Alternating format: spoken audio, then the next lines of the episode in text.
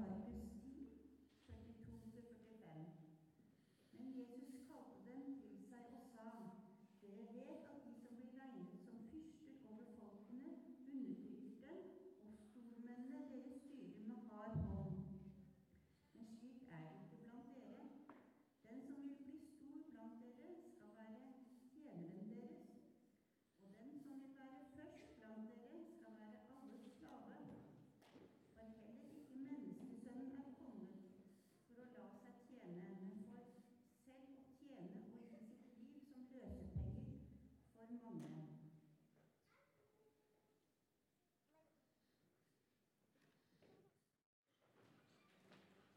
Vi har denne tida etter jul snakka mye om dette med åndelig praksis, eller åndelige øvelser.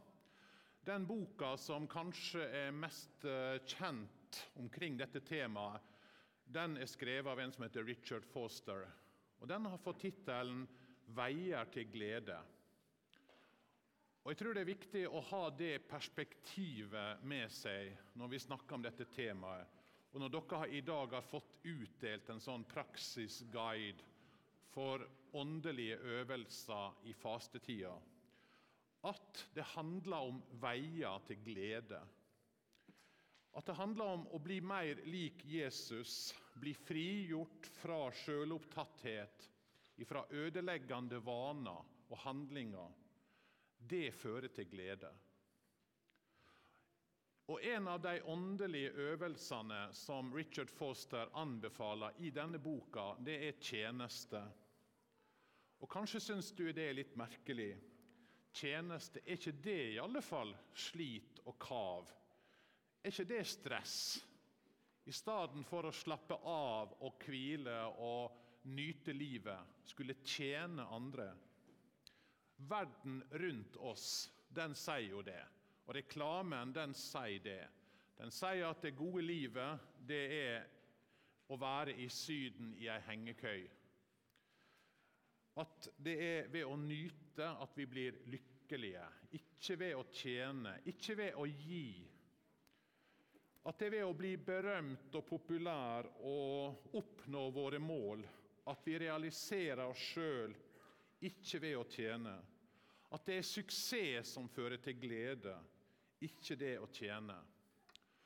Men spørsmålet er jo tar reklamen feil tar verden med sitt budskap feil når den stadig bombarderer oss med disse tankene.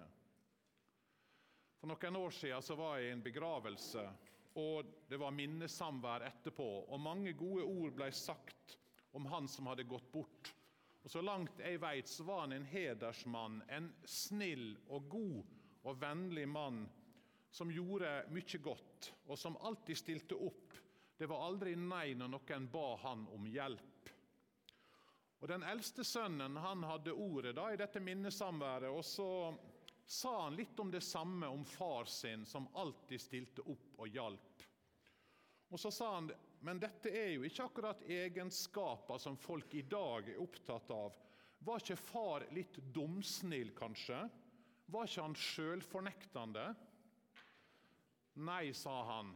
Han var ikke det men han nekta seg ikke gleden av å være til hjelp for andre. Og Den setninga den beit tak i meg. Han nekta seg ikke gleden ved å være til hjelp for andre. Og Det er ei setning som jeg har tenkt masse på. Det er ei djup sanning i dette her. Der er veier til sann glede. Og en av de veiene går gjennom faktisk å tjene andre. Kanskje vi kan begynne med å stille oss et spørsmål. Tror vi at Gud er lykkelig? Jeg vet ikke om du har tenkt på det. Tror du at Gud er lykkelig? Ja, sånn som jeg tenker, så må jo Gud være den absolutt mest fullkomne lykkelige som fins her i dette universet men hva gjør Gud på da? Når han er lykkelig, når Gud er glad? Ligger han i ei hengekøye og ser på Netflix? Hvordan ser vi for oss Gud sin tilværelse?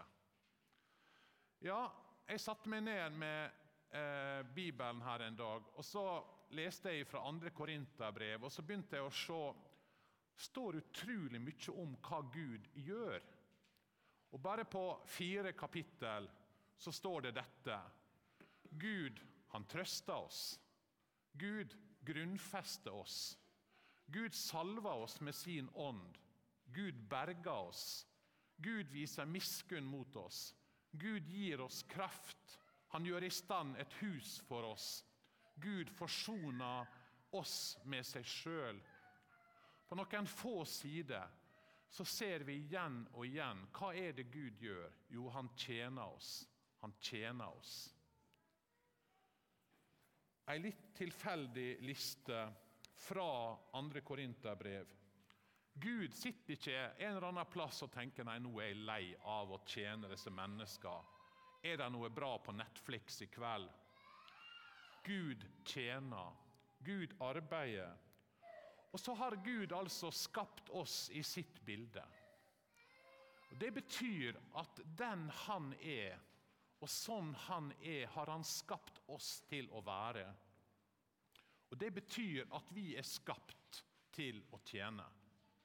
Vi er ikke skapt til et liv i sløvhet, i hengekøye eller hvor det nå måtte være. Vi er skapt av Gud i hans bilde til å tjene.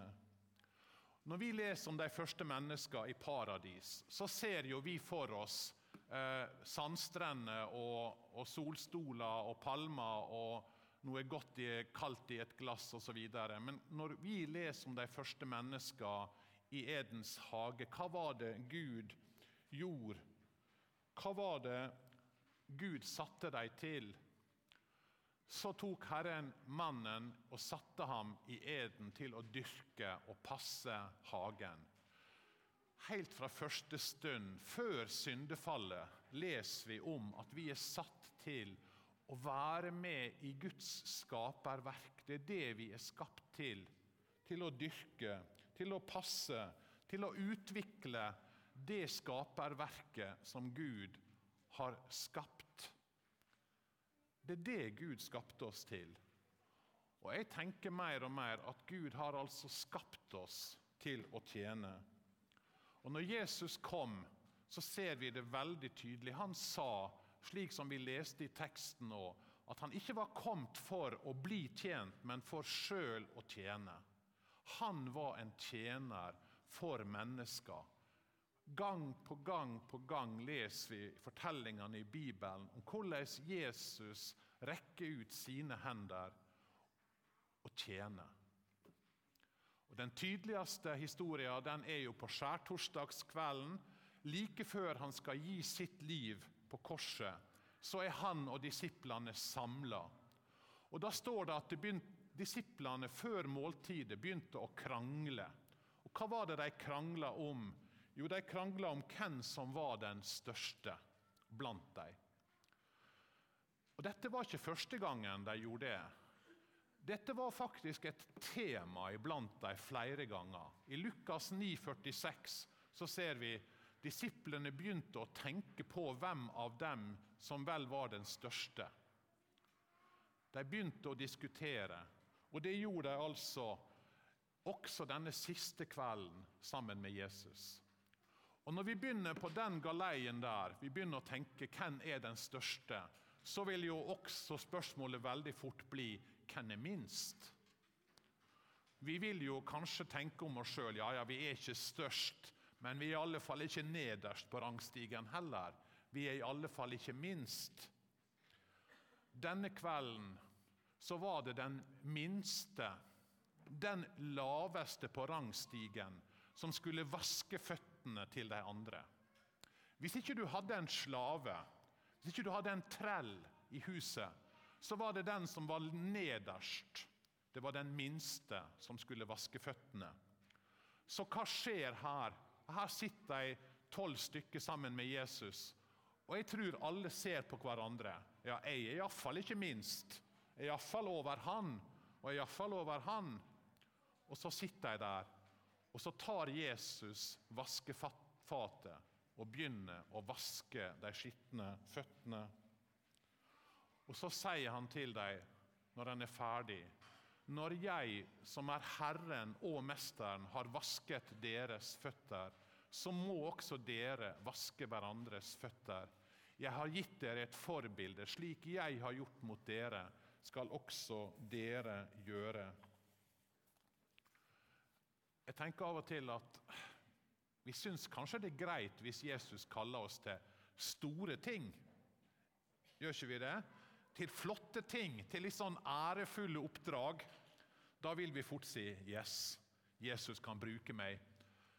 Men hva om Jesus kaller oss til det minste, til det laveste, til å vaske føtter? Der er ei dame som heter Ruth Harms Colkin. Jeg vet ikke helt hvem hun er, men hun har skrevet et dikt om dette her. Hun skriver det slik.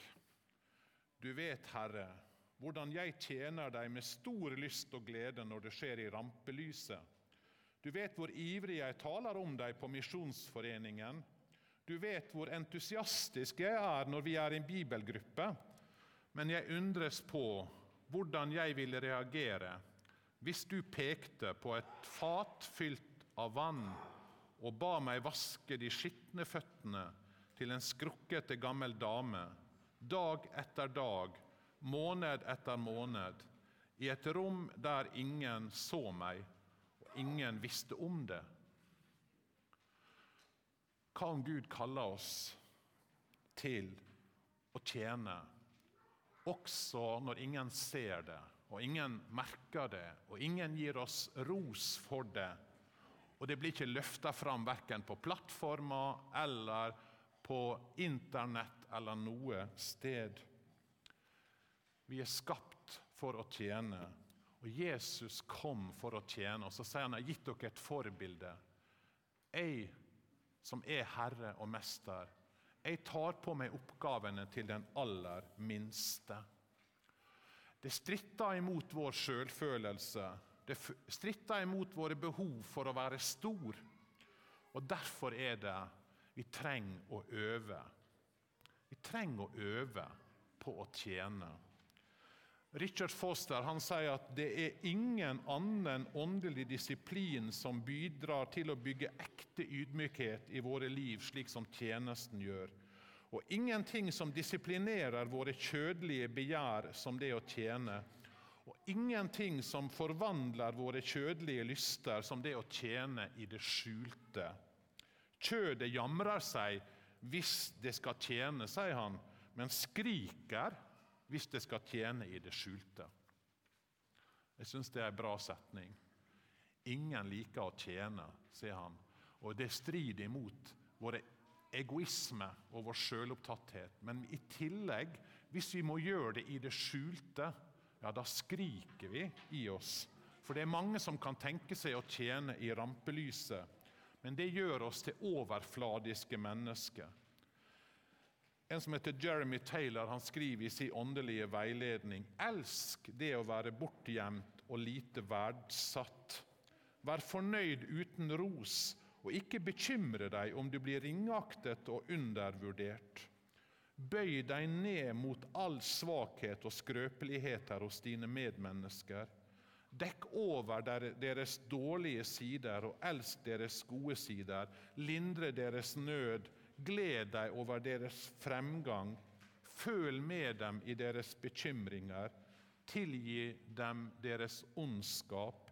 Gjør de laveste oppgavene for de som er lengst nede. Er det lett? Nei. Er det utfordrende for meg? Ja.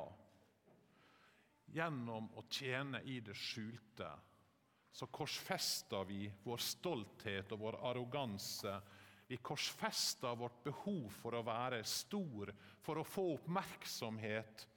Vi dreper vår sjølopptatthet og egoisme. Er dette veien da til glede? Er dette veien til et hellig liv? Når Jesus, etter han hadde vaska disiplene sine føtter og bedt dem om å gjøre dette her, så sier han, nå vet dere dette om dere også gjør det, priser jeg dere lykkelige.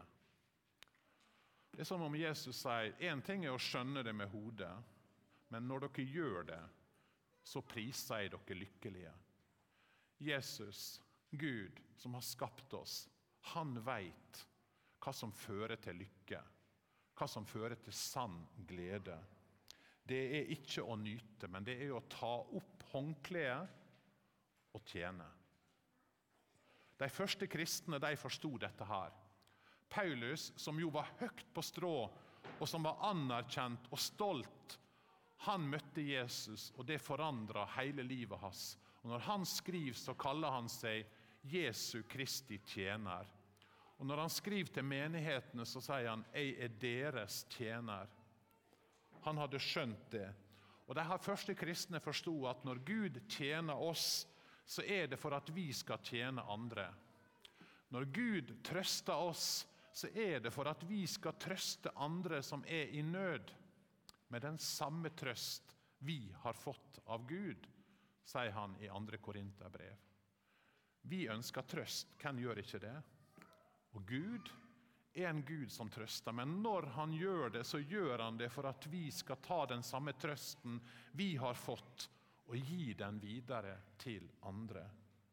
Dette er prinsippet i Bibelen for Guds tjeneste for oss. At Han tjener oss for at vi skal spre Hans godhet og velsignelse videre med den samme trøst vi har fått. Og Det er sånn Guds rike fungerer.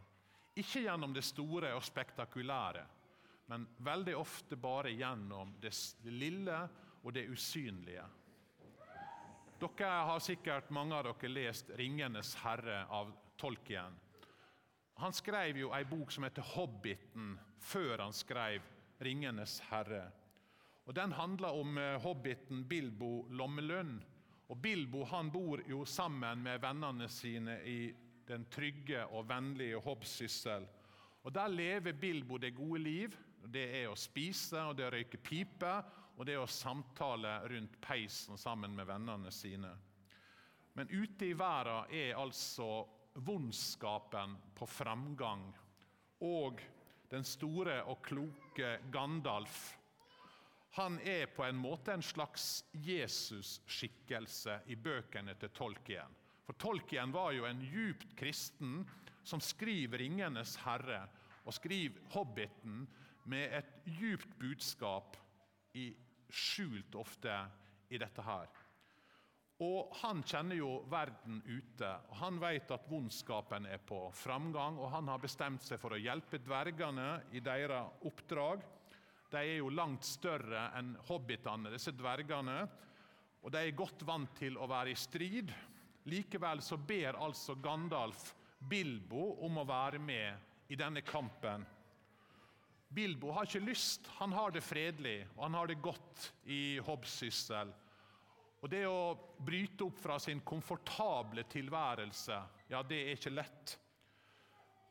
Så de drar uten han, men han ombestemmer seg og blir med, til tross for at han er liten. Og Senere i historien så sier Gandalf noe viktig. For de har stoppa opp hos alvene, og på dette tidspunktet så har dvergene lita tro på at Bilbo har noe å bidra med. Han er liten, han er liksom ikke sterk og kan ikke kjempe. Og Sjøl har jo også Bilbo mange ganger hatt lyst til å gi opp og dra hjem igjen til Hobbsyssel.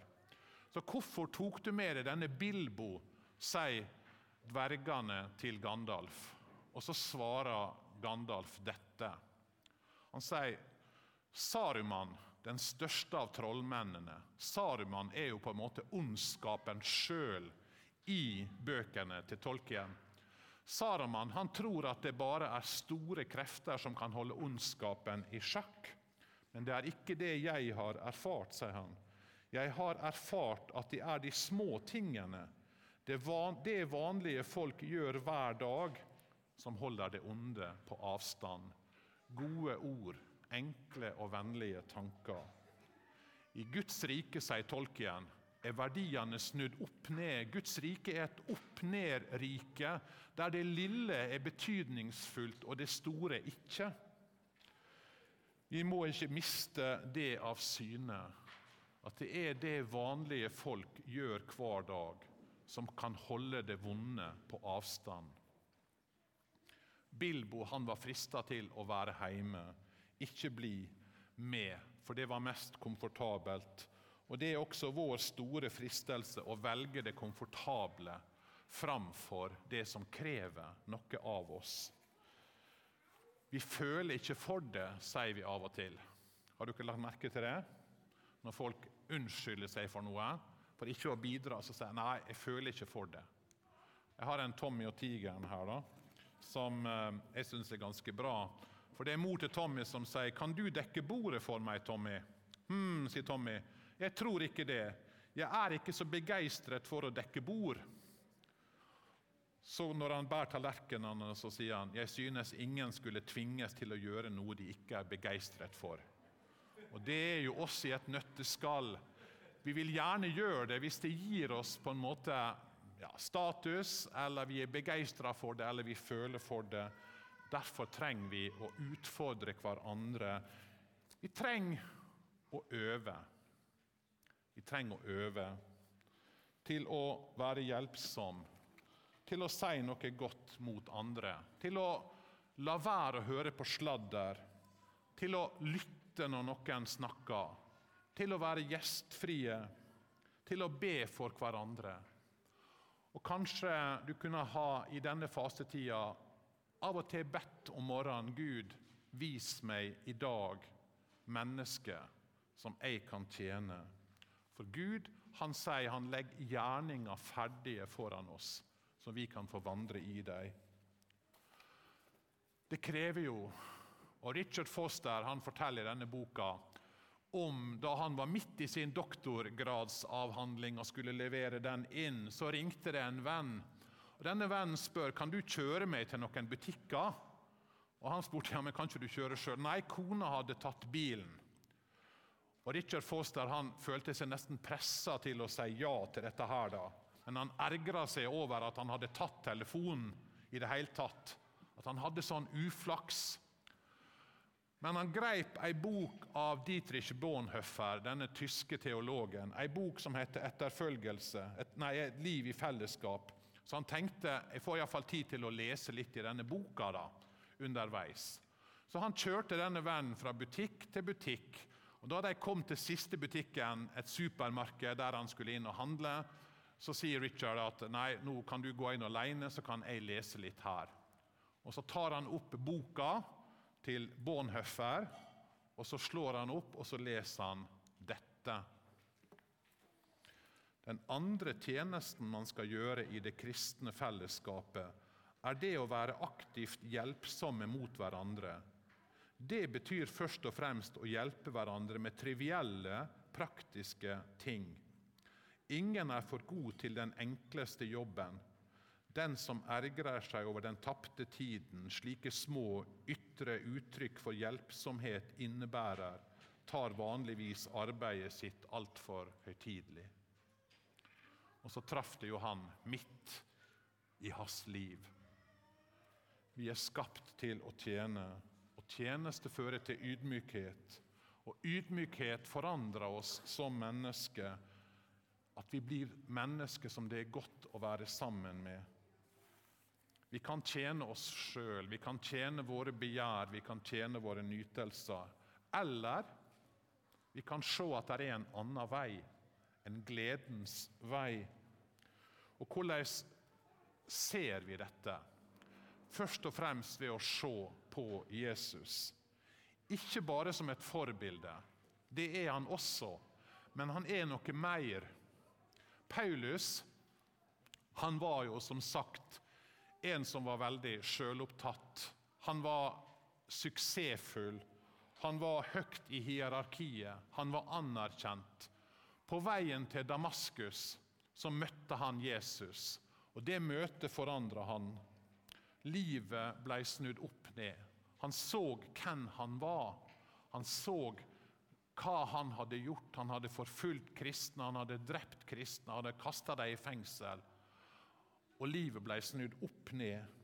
Han så at han var en synder som trengte nåde. Og Det at han så det, og at han så at Jesus var kommet for å frelse han, det forandra livet til Paulus. Og så skriver han om dette her i 1. Korinterbrev. For jeg er den minste av alle apostlene. Jeg er ikke verdig til å kalles apostel, for jeg har forfulgt Guds kirke. Men ved Guds nåde er jeg det jeg er. For Hans nåde mot meg har ikke vært bortkastet, for jeg har arbeidet mer enn noen av dem. Det vil si, ikke jeg, men Guds nåde som er med meg Et fantastisk avsnitt. Jeg er den største av alle syndere, sier Paulus i et annet avsnitt. Jeg er ikke verdig til å kalles en apostel, men, sier han, jeg har fått møtt Guds nåde. Ved Guds nåde er jeg den jeg er. Og Det er det som er grunnlaget. Det er det som er plattformen for livet våre og for ditt liv. Ved Guds nåde er du den du er. Og så sier Paulus og denne nåden den har forandra meg. Den har gjort noe med meg. Så jeg arbeider mer enn alle. Jeg gir livet mitt for å tjene denne Jesus som kom for å gi alt for meg. Han levde ikke lenger for seg sjøl, sier han, men jeg lever for Han som døde og som sto opp igjen for meg. Vi er kalt til å tjene fordi Jesus kom og tjente oss og ga livet sitt som en løsepenge for oss. Og Djupest sett er det det som kan motivere oss til de daglige, vanskelige, små tinga som kan holde ondskapen i sjakk i denne verden og bringe Guds rike. At vi ser Jesus og hva han har gjort for oss. Jesus, vi takker deg fordi at du kom for å tjene oss. Du kom for å gi livet ditt som løsepenger for oss. Du ga alt, Jesus. Du ga avkall på din rikdom, din status, for å være en blant oss, for å tjene oss. Jeg ber om at vi skal få se denne nåden på en sånn måte at det forvandler oss Hjelp oss i denne fastetida til å øve litt på å være en tjener. Amen.